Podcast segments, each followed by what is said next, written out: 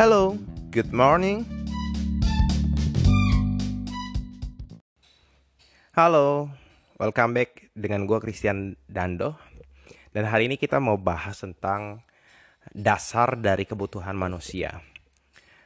Uh, ini dicetuskan oleh seorang uh, peneliti namanya Abraham Maslow yang terkenal dengan teori Maslow, Mas, parameter Maslow. Nah, piramid Maslow ini dibagi menjadi lima porsi. Yang bagian bawah, kedua, ketiga, keempat, dan sampai yang paling tinggi. Dan di piramid ini menggambarkan bahwa setiap manusia punya kebutuhan di lima bidang ini. Yang pertama adalah kebutuhan psikologi needs atau kebutuhan fisik atau kebutuhan fisiologi. Ini yang mungkin sering kali waktu masih kita masih kecil juga kita paham bahwa kebutuhan dasar manusia adalah makanan, minuman, tidur, pakaian, dan lain-lain. Atau yang kita bisa sering sebut adalah kebutuhan sandang, mangan, dan papan. Nah, ketika kebutuhan ini belum kita capai, tentunya ma manusia akan mencari hal tersebut Manusia akan mencari kebutuhan makan, minum, tidur, dan pakaian lebih dan lebih lagi untuk hal yang dasar ini. Di mana kebutuhan dasar ini adalah kebutuhan yang sangat um, paling dasar yang kita punya. Ya bayangin deh kalau misalkan teman-teman di antara kita nggak makan satu hari. Gimana perasaannya? Mungkin bisa oh, puasa. Kalau nggak makan tiga hari, tujuh hari, sepuluh hari, pasti juga akan kesulitan ya. Atau mungkin kita nggak punya baju yang layak, baju kita compang-camping, robek, lusuh. Itu juga akan jadi masalah buat kita, setiap kita. Jadi setiap orang pada pada awalnya dia mengejar kebutuhan yang pertama, yaitu adalah kebutuhan fisiologi. Kalau kebutuhan ini belum tercukupi, ya tentunya mereka tidak akan bisa melangkah ke kebutuhan-kebutuhan berikutnya. Makanya sering kali kita melihat ya, ada orang kok kayaknya beli apa beli mobil kok harganya luar biasa banget. Terus kita sebagai seorang yang belum tercukupi kebutuhan pertama kita mikir, waduh nih orang kok punya banyak banget duit ya.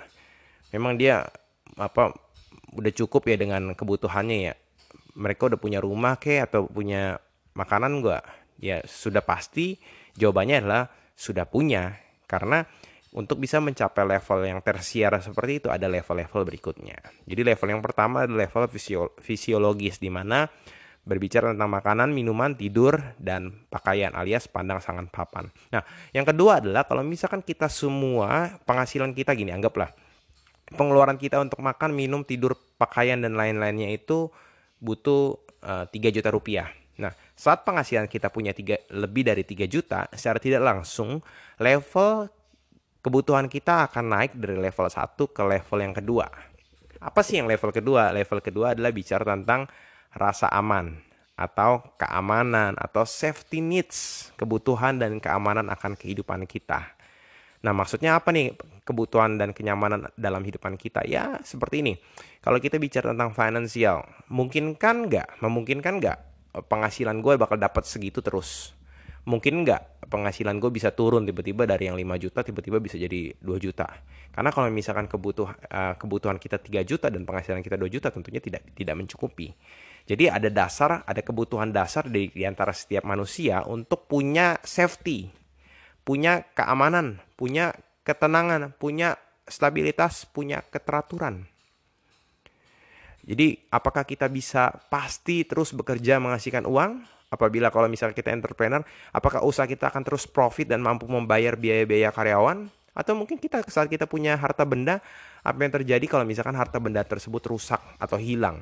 atau bisa bicara tentang kalau finansial lagi ya apa apa apakah finansial yang kita miliki bisa kita bayar untuk mengembalikan seperti semula atau ya misalkan kita sakit atau kejadian tidak terduga bisa nggak aktif lagi mencari nafkah gimana dengan keluarga kita kebutuhan level satu kita nah setiap manusia yang sudah punya level psikologis uh, sudah tercukupi alias pengeluarannya 3 juta per bulan untuk makan, minum dan lainnya dan punya penghasilan 5 juta, mereka akan masuk ke level yang kedua itu level rasa aman. Cenderung yang kedua ini adalah uh, menjadi sebuah dasar. Jadi pengen kalau misalkan bekerja pengen jadi karyawan tetap. Yang kedua, kalau misalkan usaha mereka pengen punya punya penghasilan revenue yang makin lama makin besar gitu ya. Atau yang bekerja pengen karirnya cepat berkembang terus ada jenjang karir. Atau mungkin punya penghasilan saving yang baik. Atau mungkin sebagian dari kita uh, mulai mengerti bahwa kita harus mengalihkan resiko, khususnya resiko finansial dengan membelikan asuransi. Entah asuransi jiwa, asuransi kesehatan kalau misalkan kita sakit atau asuransi uh, kendaraan atau asuransi-asuransi yang lainnya. Tujuannya adalah supaya rasa aman, aman, stabilitas dan juga ketenangan. Nah, itulah level yang kedua. Nah, kalau level pertama sudah tercukupi, tentunya akan masuk ke level yang kedua. Kalau level yang kedua sudah tercukupi, kita akan masuk ke level yang ketiga, yaitu adalah bicara tentang social needs atau kebutuhan antara relasi, keluarga, hubungan antara teman dan lain-lainnya. Nah, kita juga pengen punya teman yang bisa ada waktu kita uh, sulit dan waktu kita ada waktu kita berbahagia. Nah, kebutuhan sosial ini menjadi hal yang penting. Alhasil banyak orang uh, ketika sudah punya kendaraan mungkin mobil eh, mobil Avanza misalkan mereka pengen sesuatu yang lebih. Kenapa? Karena untuk sosial apa ya sosial show off gitu ya.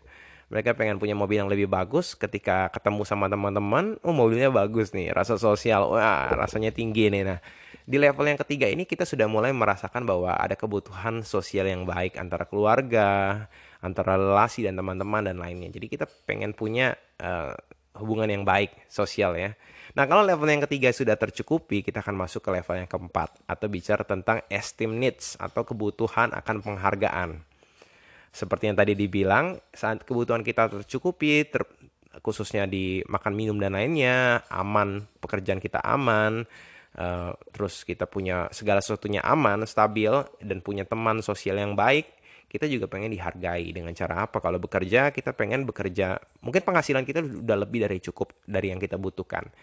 Kita pengen pencapaian-pencapaian kita pengen kerja yang terbaik menjadi employee of the month employee of the year atau mungkin penghargaan penghargaan yang dikeluarkan dari lembaga-lembaga khusus. Kita pengen status woi misalkan Christian manager, wih, manager marketing atau mungkin Christian direktur marketing, status. Kerja lo di mana bro? Di A gitu. Wah besar banget mantep banget tuh kerjanya kalau misalkan nggak ada status dan lainnya itu juga sebuah hal yang tidak menarik. Yang selanjutnya adalah bicara tentang masuk ke tanggung jawab yang semakin besar. Reputasi itu menjadi hal yang penting di level yang keempat Nah, kalau kita bicara 1, 2, 3, 4 itu sudah terpenuhi semua, mulailah masuk ke aktualisasi diri atau self actualization atau kebutuhan akan aktualisasi, aktualisasi diri.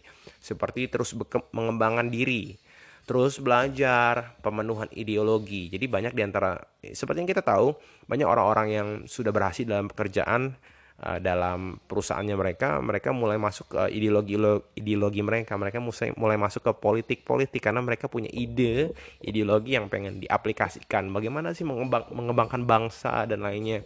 Pengen pengen memberikan segala sesuatu untuk pemenuhan ideologi dan aktualisasi diri. Wah bayangin deh, misalnya kita jadi orang nomor satu di Indonesia, betapa berharganya, betapa uh, kontribusi gue buat bangsa dan negara ini. Nah itulah yang menjadi hal yang menjadi kebutuhan dasar dari manusia yang ditutuskan oleh uh, Abraham Maslow di mana setiap kita punya kebutuhan dan kebutuhan itu standarnya seperti itu. Jadi nggak bisa kita masuk ke level yang kedua atau level yang ketiga kalau misalkan level yang pertama belum tercukupi. Oleh karena itu sebenarnya uh, gue pribadi melihat bahwa masalah di Indonesia adalah kalau kita ngomong bicara tentang uh, sosial, uh, bagaimana Indonesia menjadi negara yang maju, akan sulit kalau misalkan faktor kemiskinannya tetap ada.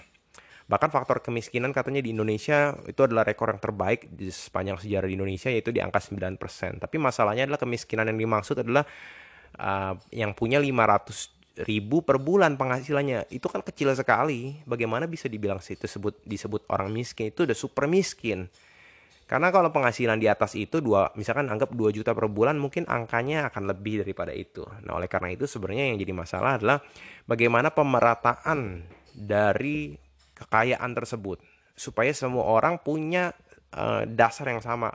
Semua orang bisa punya kesempatan makan, punya kesempatan minum, kesempatan tidur, kesempatan pakaian yang dijamin oleh negara. Nah, itulah yang menjadi tantangan dari sebuah negara tersebut dan menjadi tantangan bagi setiap kita. Ya tentunya level pertama dulu kita harus tercukupi.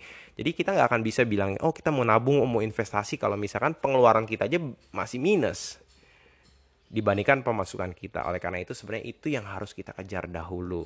Kita harus bisa konsisten, bisa melakukan yang terbaik untuk mencapai level-level tersebut. Nah, itu yang biasa menjadi kebutuhan dari manusia yang dicetuskan oleh Abraham Maslow dan gue percaya bahwa itu merupakan satu hal yang menarik dan gue percaya banget bahwa memang ada cara-cara yang kita perlukan untuk kita bisa sampai di level-level tersebut makanya nggak heran ada orang bisa punya mobil 5 gitu atau mobilnya bagus gitu Eh, Lamborghini, Ferrari. Kadang kalau kita sebagai orang yang baru level 1 atau level 2, kita berpikir bahwa oh ini orang ngapain ngabis-ngabisin duit ya.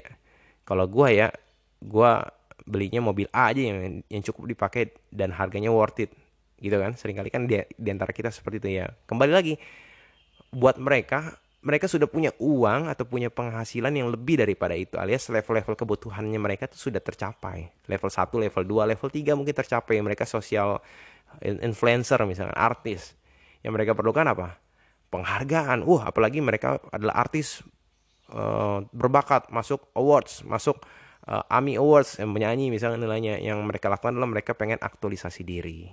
Mereka pengen dihargai mereka pengen sosialnya lebih bagus dan lainnya jadi sering kali kita tidak bisa membatasi orang-orang berpikir dan orang-orang punya ide yang lain. Karena ya itu, setiap orang punya kebutuhan dan kebutuhan dasarnya mereka berbeda antara satu dengan yang lain. Sebenarnya bukannya berbeda sama tetapi berada di level yang berbeda. Seperti orang-orang yang sudah menjadi konglomerat-konglomerat saat ini, mungkin fokus mereka adalah aktualisasi diri.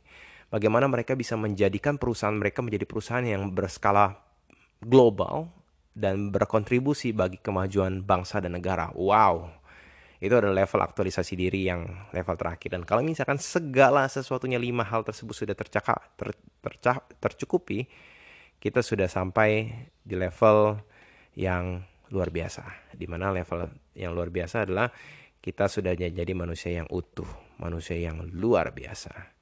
Jadi itu aja yang harus kita pelajari. Kita harus sadar bahwa yang pertama kita harus punya penghasilan yang lebih dari pengeluaran kita Selanjutnya kita bisa saving, kita bisa investasi yang tentunya bisa menjamin keamanan kita misalkan suatu waktu kejadian seperti COVID-19 ini terjadi yang tidak diduga-duga dan kita punya dana darurat. Sehingga kita bisa melewati proses eh, lembah ini dengan baik. Dan level yang ketiga kita punya teman, sosial yang baik. Karena buat apa kita eh, punya segala sesuatunya tetapi tidak ada hubungan sosial yang baik. Ya karena manusia adalah makhluk yang sosial. Betul tidak? Itu yang harus teman-teman jawab sendiri. Dan di level selanjutnya ya penghargaan dan aktualisasi diri itu yang penting. Ya kita bisa lihatlah seperti contoh misalkan CEO Gojek Nadiem Makarim gitu ya. Kalau ngomongin fisiologis jangankan uh, dia belum bekerja pun orang tuanya sudah uh, lebih dari cukup gitu. Jadi udah aman. Rasa aman? Wah, jangankan uh, bilang rasa aman ya maksudnya dari orang tuanya mungkin sudah menjamin bahkan kalaupun dia nggak bekerja pun penghasilannya dari deposito dan lainnya bisa menghasilkan buat dia misalkan. Nah, sosial yang dia lakukan adalah mulai mengembangkan sebuah bisnis yang berdampak sosial. Di situ mendapatkan penghargaan-penghargaan. Wow, kekayaannya masuk ke Forbes cukup tinggi dan lainnya. Dan sudah level yang selanjutnya adalah aktualisasi diri. Bagaimana dia bisa berguna bagi bangsa dan negara, menjadi menteri pendidikan, gitu kan, dan aktualisasi diri. Nah itulah, itulah setiap manusia dari setiap kita. Jadi memang jangan jangan jangan kecil hati kalau teman-teman saat ini sedang bergumul di level pertama. Eh, setiap orang ada privilege-nya sendiri. Mereka mungkin bisa bergumul di level pertama. Ada yang mungkin untuk pertama aja sulit, atau mungkin yang sudah masuk di level yang kedua atau level yang ketiga atau bahkan level yang terakhir kembali lagi it's a journey of process. Percayalah teman-teman nggak usah terlalu cepat kerjakan aja segala sesuatunya dengan yang baik nikmati perjalanan kita karena ya terlalu cepat ke atas kita nggak menikmati prosesnya kan. Enaknya road trip jalan naik mobil gitu atau naik motor kena angin bisa lihat pemandangan meskipun kalau nyampe sana capek tapi itulah yang bisa kita lakukan. Jadi itulah Eh, kebutuhan dari dasar dari manusia yang dicetuskan oleh Abraham Maslow. Semoga apa yang gue bagikan hari ini bisa bisa menginspirasi dan bisa membuat teman-teman bisa belajar lebih lagi. Oke, okay? see you and God bless you. Bye bye.